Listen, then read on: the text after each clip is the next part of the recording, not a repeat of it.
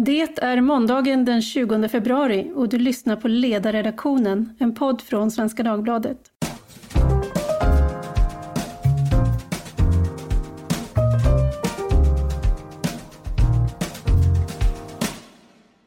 Jag heter Tove Livendal och idag ska vi tala om svårigheterna att bringa ordning och reda i migrationen. Det skulle vi ju nästan kunna göra varje dag för det är ett stort och snårigt område, men den aktuella nyhetskroken är ett längre reportage i tidskriften Fokus. I den framkommer att ett antal brister och risker som handlar bland annat när det gäller att fastställa identitet på asylsökande, sårbarheten när det gäller hanteringen av information och praktiska hinder i form av språksvårigheter på myndigheten, för att nämna några av de saker som tas upp. Efter den här artikeln har Migrationsverket publicerat en kommentar på sin hemsida som under rubriken Missvisande uppgifter om Migrationsverket i media menar att fokusreportaget ger en förenklad och felaktig bild.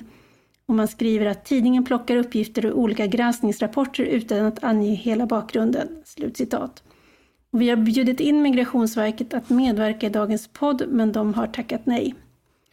Min tanke idag är inte att vi ska slita tolkningstvisten mellan Fokus och Migrationsverket, utan snarare att utifrån reportaget diskutera några brännande aspekter på migrationspolitiken, nämligen lagstiftarens intention och agerande och myndighetens möjligheter och kapacitet och vad som händer när de här kolliderar.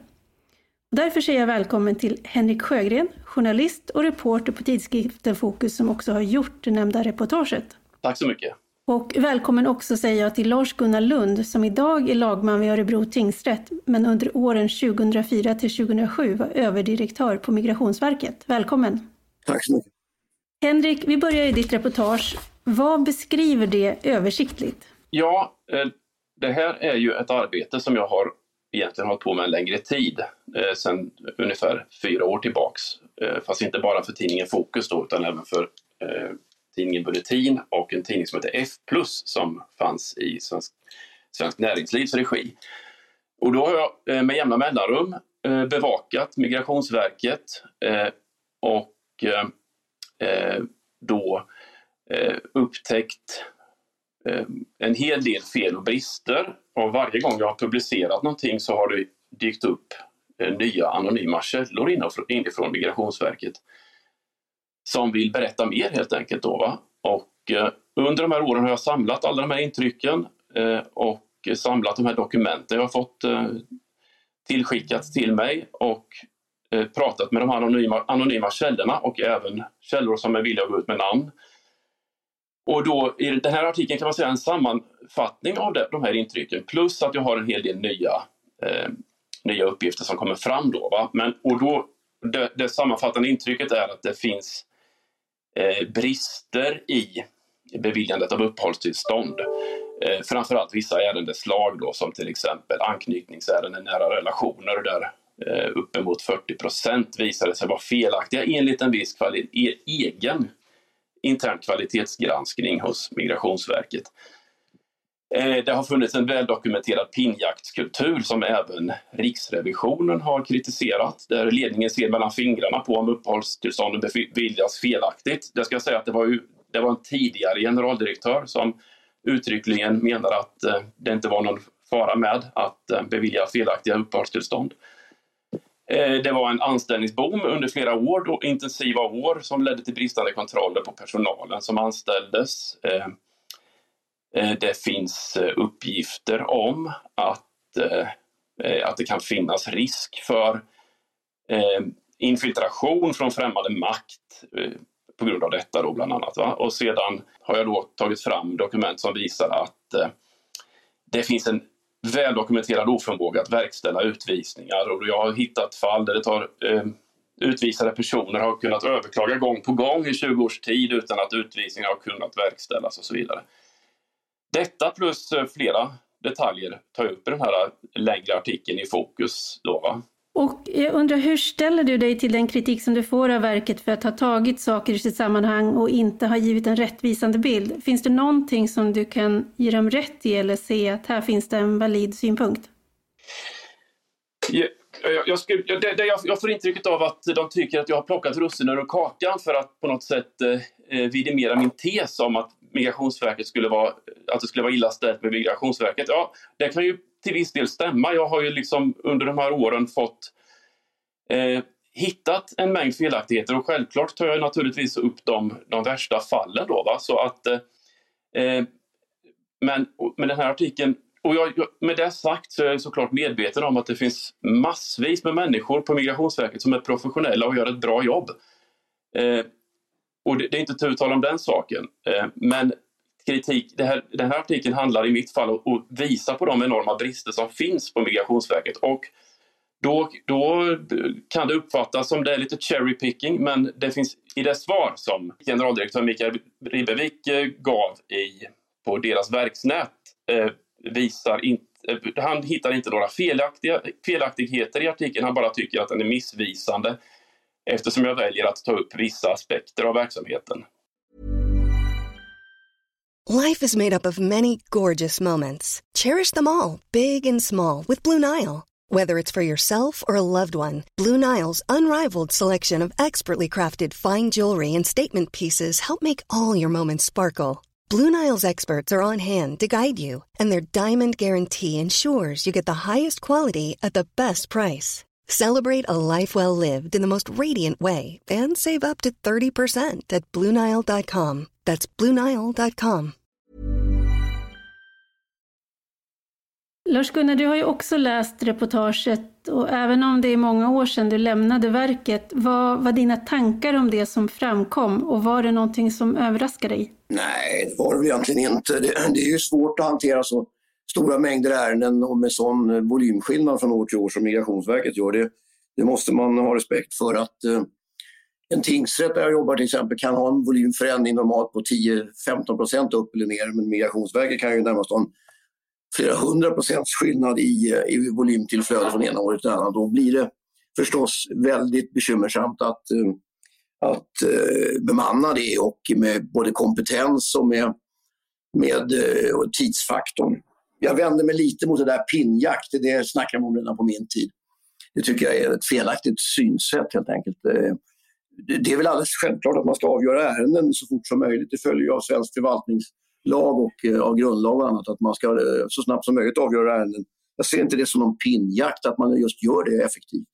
Snarare är det tvärtom att om man har 100 000 medborgarskapsärenden i balans som man inte avgjort, då har man ju betydligt större problem än om man ser till att avgöra dem. Så att jag tycker att det där med pinnjakt, det, det, det, det, det, det brukar man ta till när man har svårt att, att få saker ur händerna för egen del. Så att säga. Och då skyller man på de som får något gjort. Så det, det vänder jag mig emot. Det, det var väl det.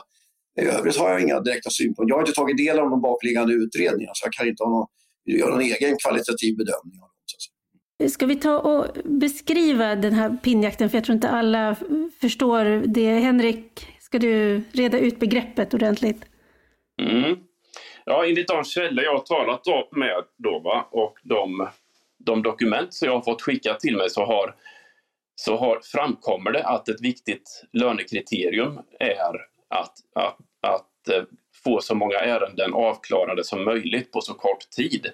Och självklart har ju det varit en viktig uppgift eftersom eh, redan 2014 så, be, så bestämde dåvarande generaldirektör Anders Danielsson att alla, alla eh, som kommer från Syrien skulle få permanent uppehållstillstånd vilket gjorde att det blev en enorm tillströmning av ärenden och de åren som följde var ju eh, en enorm eh, tillströmning av människor till Sverige vilket fick till följd att, att Migrationsverket fick ju en nästan till omöjlig uppgift.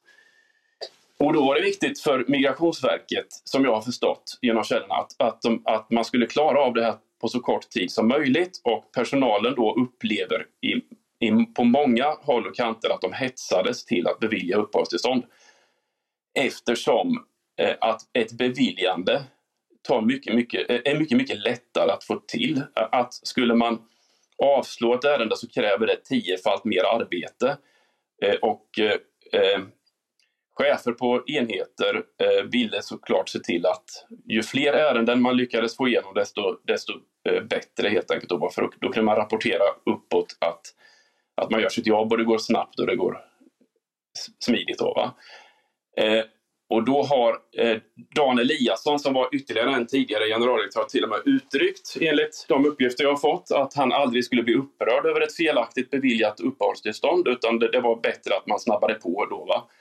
Och det här är, är en kultur som tycks ha satt sig på verket och enligt mina källor så fortfarande finns den kulturen kvar. Då. Och här tänker jag att det blir ju liksom någon form av målkonflikt därför att dels är det ju där vi har ju, jag har ju själv jobbat med frågorna fast mer utifrån ja, vad ska man säga, som, som ideell kraft i ett antal år och de här väntetiderna som Lars-Gunnar är inne på, de, de, är det ingen som vill ha. Och samtidigt så är det uppenbart att om besluten, om, om, om det skulle bli en kultur av att det premieras, att det går snabbt och att det är enklare då att bevilja än att avslå, då blir ju kanske inte rättssäkerheten det vi säger eller tror att den ska vara.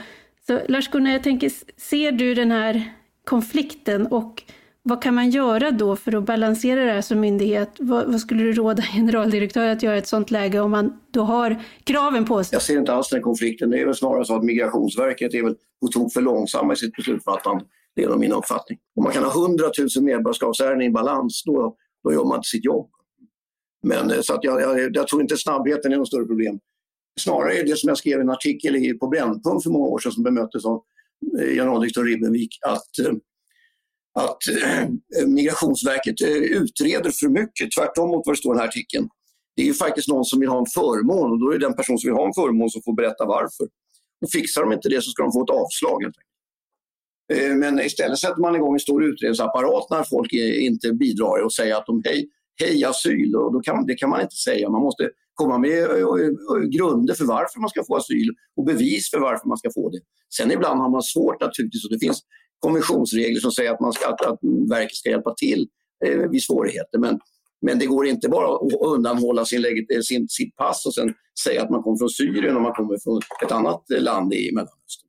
Så, att, så att jag tycker egentligen att, att, att eh, processen är alldeles för ojuridisk och alldeles för långsam i Migrationsverket. Det är min uppfattning. Är det någon eh, aspekt som har framkommit när du har talat med anställda på Migrationsverket, Henrik? Att det finns en motsvarande, att det blir ett beslutsfattande som drar ut för långt på tiden i vissa fall? Ja, det, det, jag har ju hört Alltså, många, jag har ju hört många olika argument fram och tillbaka från många olika källor såklart. Då, va? Nu uppfattar jag inte riktigt exakt vad, vad, vad frågeställningen var här. Eh, om du kunde upprepa den det som du har fått höra om det här med pinjakt och som också Riksrevisionen påpekade, mm. det vill säga att man riskerar att tumma på rättssäkerheten om man fattar beslut för snabbt.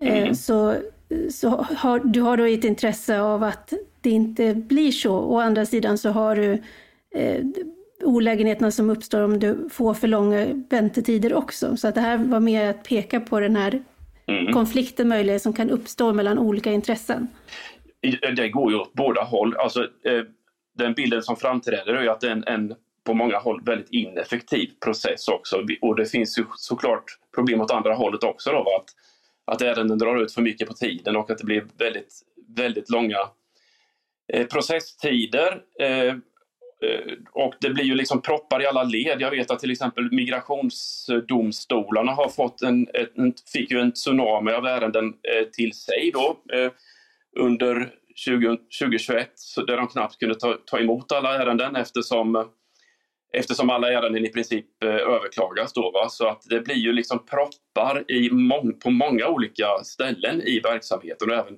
andra tillhörande myndigheter, eller andra myndigheter som också, har, eh, som också arbetar med samma frågor. Då, va?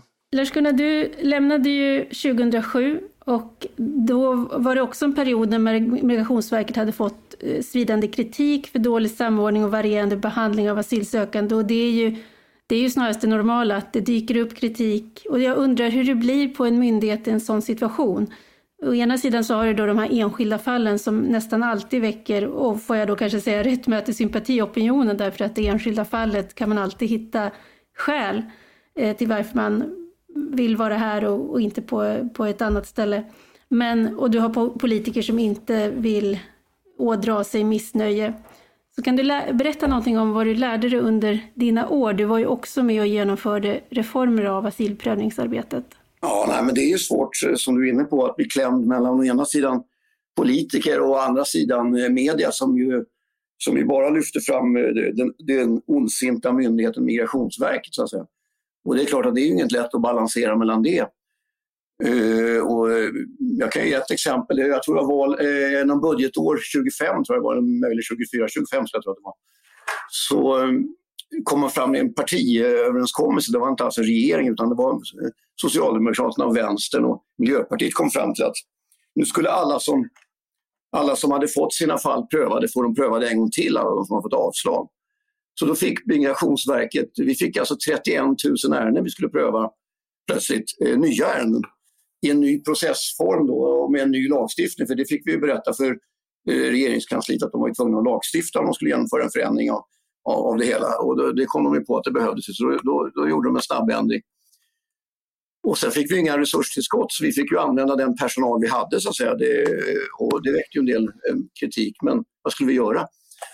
Eh, så att eh, det är inte lätt att vara klämd då mellan det här, mellan, mellan den politiska idén och, och, och vad som och, och, försöka balansera det med att också försöka göra ett effektivt och så hög kvalitet som möjligt på arbetet.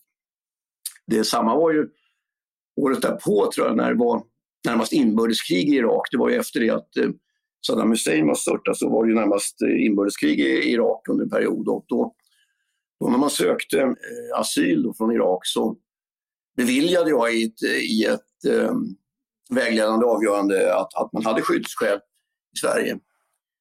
Och det där har jag förstått eh, att det var man inte så nöjda med från politiskt håll. Eh, det var inte så att ministern, men det var någon annan på politisk nivå i departementet som ju helt enkelt inte sa till mig utan till andra medarbetare att eh, de tyckte vi hade tolkat det fel. Så, så att eh, nog, nog var de intresserade av detaljerna alla gånger. De, de kunde framstå som goda och, eh, och väldigt humana men, men när det är budgetfrågor så var det inte lika roligt längre. Men jag tänker på en, ett annat exempel, för att det här blir det ju tydligt då att om politikerna säger åt er att nu ska ni pröva de här ärendena, men ni får inga nya resurser, ni, ni får bara dubbelt så mycket jobb att göra, så blir det ju situationen väldigt ansträngd. Men jag funderar på vad har man som myndighet för möjlighet att alltså, agera i en omöjlig situation? Jag minns när det kom, det var ju 2015 när det kom eh, så väldigt många och då eh, var väl Anders Danielsson generaldirektör och han anställde, tog in en massa extra folk som satt mm. dag och natt. Men det de hanterade var inte ansökningar om uppehållstillstånd utan det var ansökningarna om det här lilla eh, bidraget för vinterkläder. Och där, där, där, kände jag var helt orimligt. Varför kan man inte då som en verkschef säga att nu beviljar vi ett schablonavdrag till alla som kommer därför att alla kommer att behöva sin vinterjacka. Ja, jag kan inte regelverket, men jag var inte med då heller. Men visst, är det, visst kräver det prioriteringar om man är myndighetschef i sådana sammanhang, absolut om jag får lägga mig där lite grann då, va, så, så eh, kan jag ju tycka då från, från mitt håll att eh, Migrationsverket har ju ålagts en i princip omöjlig uppgift utifrån en, en politik som har varit som, som har förts på ett, på ett sådant sätt att, eh, att det nästan är omöjligt att ta hand om frågan helt enkelt. Då, va? Eh, det, och, och, jag, ska ge, eh, jag tycker också att media har en väldigt, väldigt stor, stort ansvar i den här frågan för att eh, ämnet har varit så underrapporterat under så pass lång tid av någon anledning, om frågan har varit tabu eller, eller något. Då, va? Så att det har inte funnits den... Eh, där, alltså, man har inte satt ljuset på, den enorma, på de enorma problem som har uppkommit i integrationsfrågan på grund av, en, en på grund av att politiken har blivit förd på det sättet som den har blivit. Och då eh, så, så, är det så att politikerna har ju gett migrations... Det är ju politikerna som har sett till att Migrationsverket har fått de här eh, svåra uppgifterna som de har fått. Eh, och eh, eh cheferna över Migrationsverket, alltså generaldirektörerna, har som jag upplever det eh, inte, inte kunnat eller förmått säga ifrån till politiken att den här situationen är inte vi mäktiga eh, att klara av. Och att, att, man inte då slår larm på ett tydligare sätt, att inte media hjälper till att slå larm på ett tydligare sätt.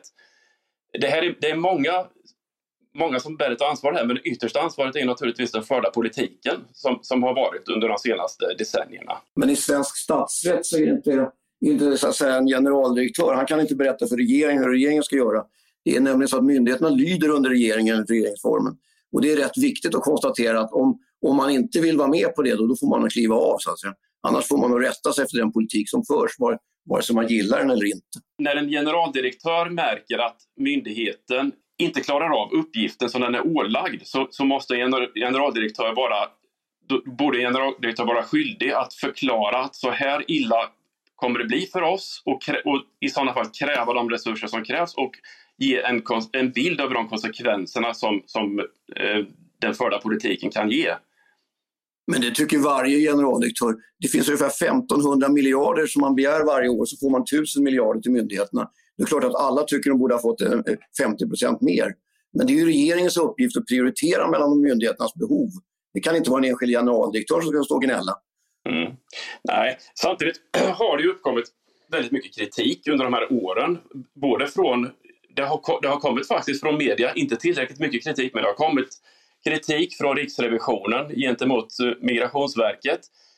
Men det var väldigt sällan jag hörde eh, eh, dåvarande justitieminister då, Morgan Johansson som var minister under en större del av den här perioden som vi talar om här nu. Det var, det var väldigt sällan jag hörde att han gav Migrationsverket eller Migrationsverkets generaldirektörer någon som helst kritik. Nej, jag har ingen uppfattning i den frågan förstås.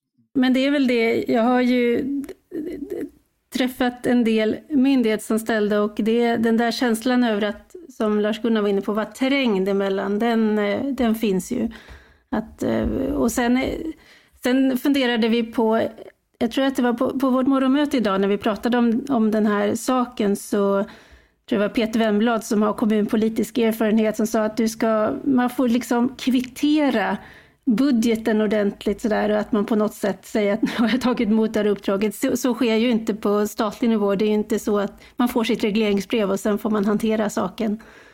Um, men det är klart att man kan ju då, precis som du säger Lars-Gunnar, i de här budgetprognoserna så finns ju möjlighet att berätta vad man ser och det var också det som skedde tror jag 2013 och 2014 när Migrationsverket skrev upp sin prognos väldigt kraftigt för vad det skulle innebära och vi, vi kunde se då att det höll på att hända saker på det här området. Och det är ju upp till politiker och naturligtvis vakna medier att se det i tid och att, så att det blir en diskussion. Say hello to a new era of mental health care. Cerebral is here to help you achieve your mental wellness goals with professional therapy and medication management support. 100% online. You'll experience the all new Cerebral Way, an innovative approach to mental wellness designed around you. You'll get a personalized treatment plan from a therapist, prescriber, or both in a safe and judgment free space. Your cerebral therapist or prescriber will outline a customized plan with clear milestones along the way so you can get to feeling your best. With Cerebral, you're not alone in your mental health journey. We're here to empower you to live a fulfilling life. So take that first step towards a brighter future and sign up today at cerebral.com slash podcast and use code ACasts to get 15% off your first month. Offer only valid on monthly plans. Other exclusions may apply. Offer ends July 31st, 2024. See site for details. En sak som jag undrar över som fanns i din artikel Henrik, det är ju en fråga som först slogs larm om av Merit Wager, fri debattör, skribent och tidigare flyktingombud. Och hon, har dels, hon har också medverkat på, på Svenskans ledarsida, men hon har då i ett kvartssekel bevakat de här frågorna och bloggat och förmodligen har mer insyn i vardagen på Migrationsverket än någon annan utomstående. Eh, och jag läser här ur artikeln då.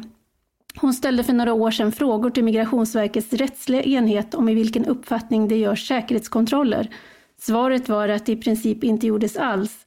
Det gjordes några alls. Hon uppmärksammade också att det inte heller krävdes svenskt medborgarskap för att få fatta beslut om svenskt medborgarskap på Migrationsverket. Under perioden 2016 till 2020 har 91 procent av Migrationsverkets beslut om medborgarskap fattats av en ensam icke-säkerhetsklassad person.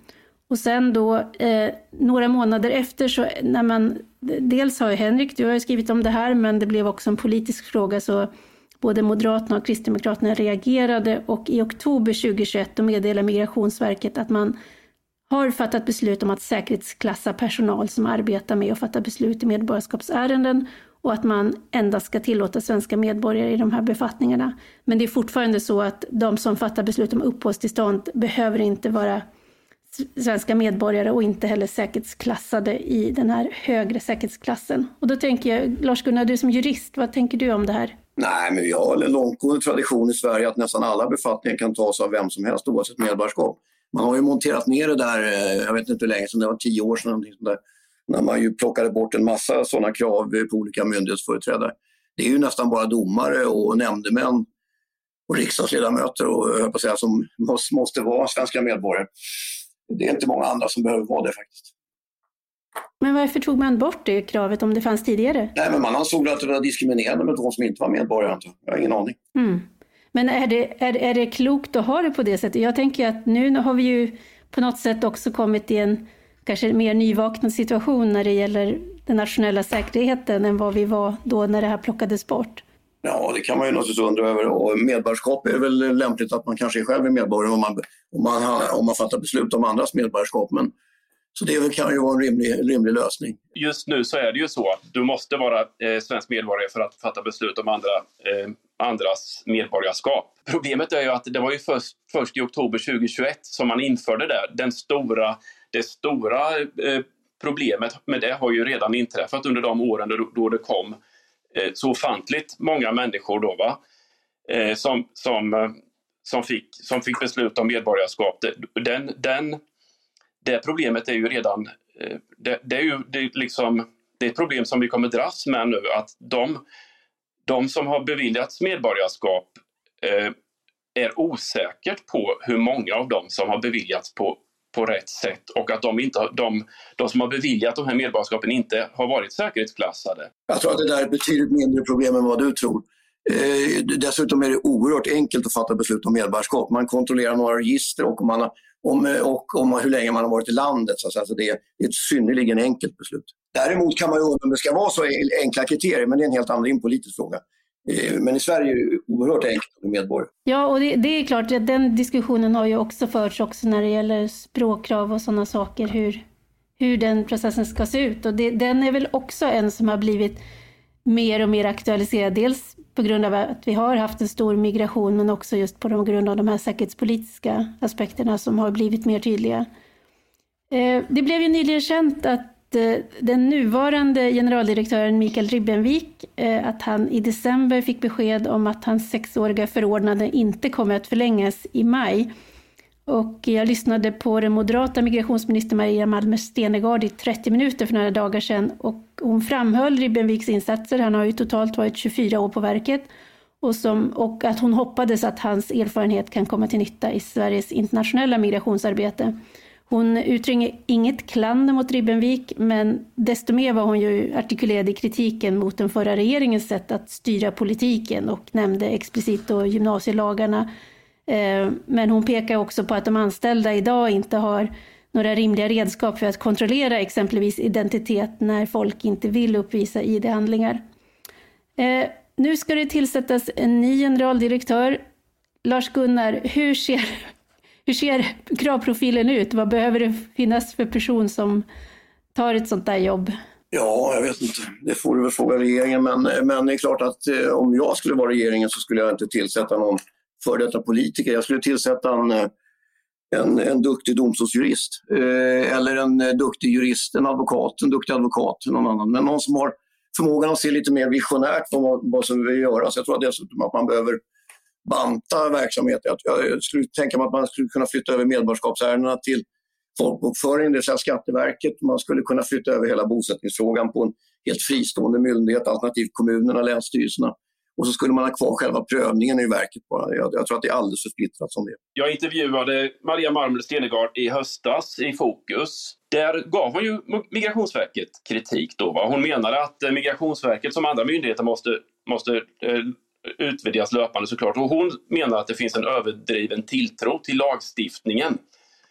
Och det pratas för lite om ledning och styrning inom myndigheten. Och hon menar att man kan göra oerhört mycket för att få till en, en bättre offentlig sektor, inte bara Migrationsverket utan en offentlig sektor överhuvudtaget utan att ändra lagen.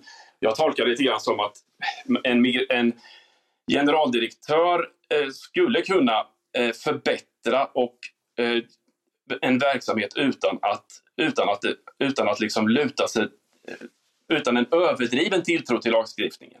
Klart att lagstiftningen, men, men den är inte problemet heller tycker jag, utan problemet är volymen eh, och att man har så väldigt olika arbetsuppgifter inom Migrationsverket. Mm. Jag tänkte på att för Migrationsverket så har det kanske blivit lite grann som med Arbetsförmedlingen, att man har så väldigt många olika uppgifter och det, det skulle möjligen tala för, som du är inne på, att man, man delar upp och ser om uppgifter kan ligga på fler ställen. Därför att det är också en av de saker som jag tror också är underrapporterade men som jag då och då får frustrerade mejl om. Det handlar ju om andra sorters ärenden som också Migrationsverket har, som handlar om vanliga arbetstillstånd, som handlar om eh, anknytningsärenden som inte är till någon som har varit asylsökande eller kommit som flykting, utan som är vad vanlig migration om man uttrycker det så. Eh, och företag som är frustrerade för att det tar så himla lång tid att få igenom ansökningar. Vi har en krog här runt hörnet som nu har fått stänga på grund av att det tar tio månader att få besked om kocken kan få komma. Så det, det, det, är ju så väldigt många saker som blir lidande för att volymerna har blivit så stora. Samtidigt kan man ju undra om vi inte med 700 000 arbetslösa borde hitta någon kock bland dem. Mm. Ja, ja.